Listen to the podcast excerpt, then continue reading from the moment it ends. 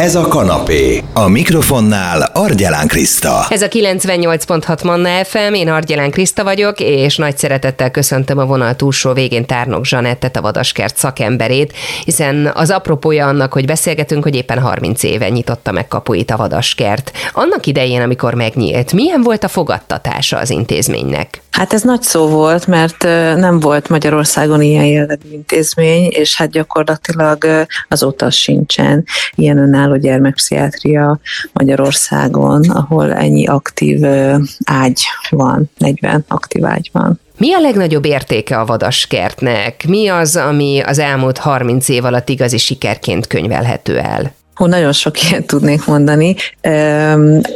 A legnagyobb értéke talán az, hogy Gádoros Júlia, főorvosnő, aki ugye ezt az alapítványt alapította, és ezt az egész kórházat, a Vadaskert kórházat vezette hosszú éveken keresztül, ő, ő nagyon modern szemléletbe tette ezt, és, és olyan, olyan struktúrában, vagy felépítésben tudta ezt megvalósítani, hogy például homogén betegcsoportokat hozott létre, vagy, vagy az életkorra.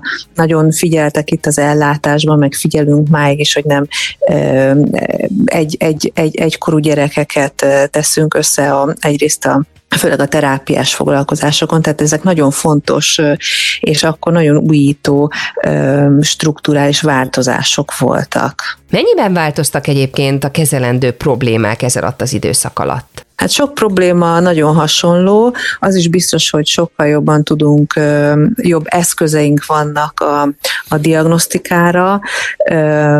Gondolok itt, itt a fejlődési zavarokra, mint például az ADHD, vagy, a, vagy az autizmus spektrumzavar, vagy a tikkek, a Tourette szindróm, a kényszerek, tehát hogy ezeket, ezekről sokkal többet tudunk ma, mint 30 évvel ezelőtt, de a, a, a klientúra az nagyon, nagyon hasonló volt a tekintetben, csak máshogy kezeljük őket, meg sokkal gyorsabban kapnak diagnózist, ha ezt lehet így mondani. Szerencsére, hiszen ez egy nagyon fontos lépés. Ami, ami az utóbbi években viszont ilyen nagyon jelentős és szembetűnő változás, az az, hogy, hogy azok a problémák, amik eddig mondjuk a kamaszkor után jelentkeztek jellegzetesen, sokkal korábbi jelent, korábban, korábbi életkorban jelentkeznek. Most gondolok itt a hangulati problémákra, vagy az önsértésre, vagy, vagy a szorongásra, vagy a, tehát a kamaszkorban előrébb látjuk ezeket, inkább a nagyobbakat érintik ezek a változások. A COVID-nak is köszönhető, hogy most az utóbbi években mondjuk korábban jelentkeznek a gyerekeknél a hangulati problémák, vagy akár a szorongás? Biztos, hogy volt a COVID-nak szerepe, nem egyértelműen tűnik oki tényezőnek a COVID, de katalizált egy csomó olyan folyamatot, hogy, hogy azok a gyerekek, akik valamiért érzékenyebbek voltak a, a pszichiátriai tünetekre, tünetképzésre, ők, ők, ők ezt megsínlették, tehát hogy hogy velük találkoztunk azért magasabb számban is az ambulanciánkon, meg a kórházban is. Tehát az, azért az fontos tudni, hogy így a Covid óta elég jelentősen megnövekedett a, a, azoknak a, a, a családoknak, a gyerekeknek a száma, akik ebben, konkrétan ebben a témakörben, mint önsértés, vagy hangulatzavar, szorongás jelentkeznek. Tehát, hogy azért itt naponta többször megáll a mentő, és ezelőtte ez nem volt így.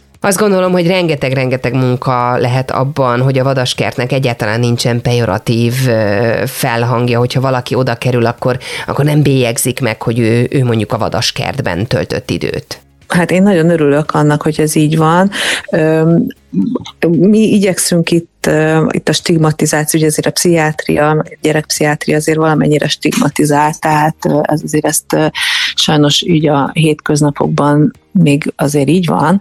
Az, hogy, az, hogy a vadaskert nem rögtön ezt a gondolatot hozza, az, az nagyon örömteli számomra, nagyon mi igyekszünk ezért mindent megtenni. Tehát a, onnantól kezdve, hogy azért elég barátságosak itt a, a vizsgálószobák, nem hordunk fehér köpenyt, egy szép környezetben dolgozunk. Sokszor a gyerekek nem is, nem is tudják, nem is tudatosul bennük, hogy ez tulajdonképpen ez egy kórház. Szóval, hogy nagyon sok ilyen apró dolog van, amire figyelünk, és, és, és talán az ő szempontjukból ez, ez így fontos lehet, hogy jó élményekkel távoznak innen legtöbben. Milyen fejlesztések, újítások történtek a közelmúltban, illetve mik a tervek? Hát most az elmúlt években nagyon sok mindent kellett változtatnunk, meg változtattunk is, alkalmazkodtunk a másfajta igényekhez, ugye ezt, amit említettem, a kamaszokat érintő probléma, problémakörhöz, és hát ugye a fejlődési zavarok tekintetében a neurodevelopmentális, ezt nagyon ilyen csúnya szóval így hívják, neurodevelopmentális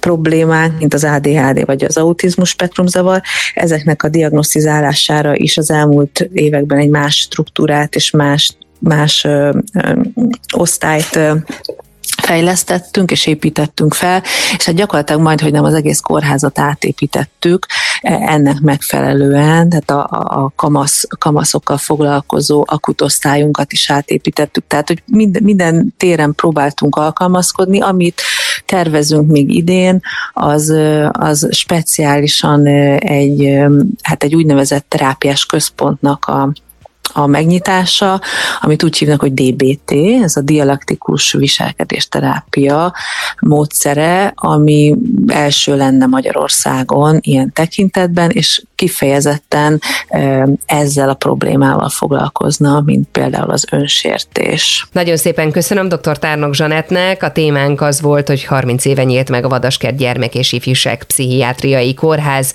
Hogyha valaki szeretné visszahallgatni ezt a beszélgetésünket, akkor természetesen a Manna FM podcast felületén megtalálja, akár itunes akár Spotify-on is. Manna, ez a kanapé, Argyelán Krisztával. FM.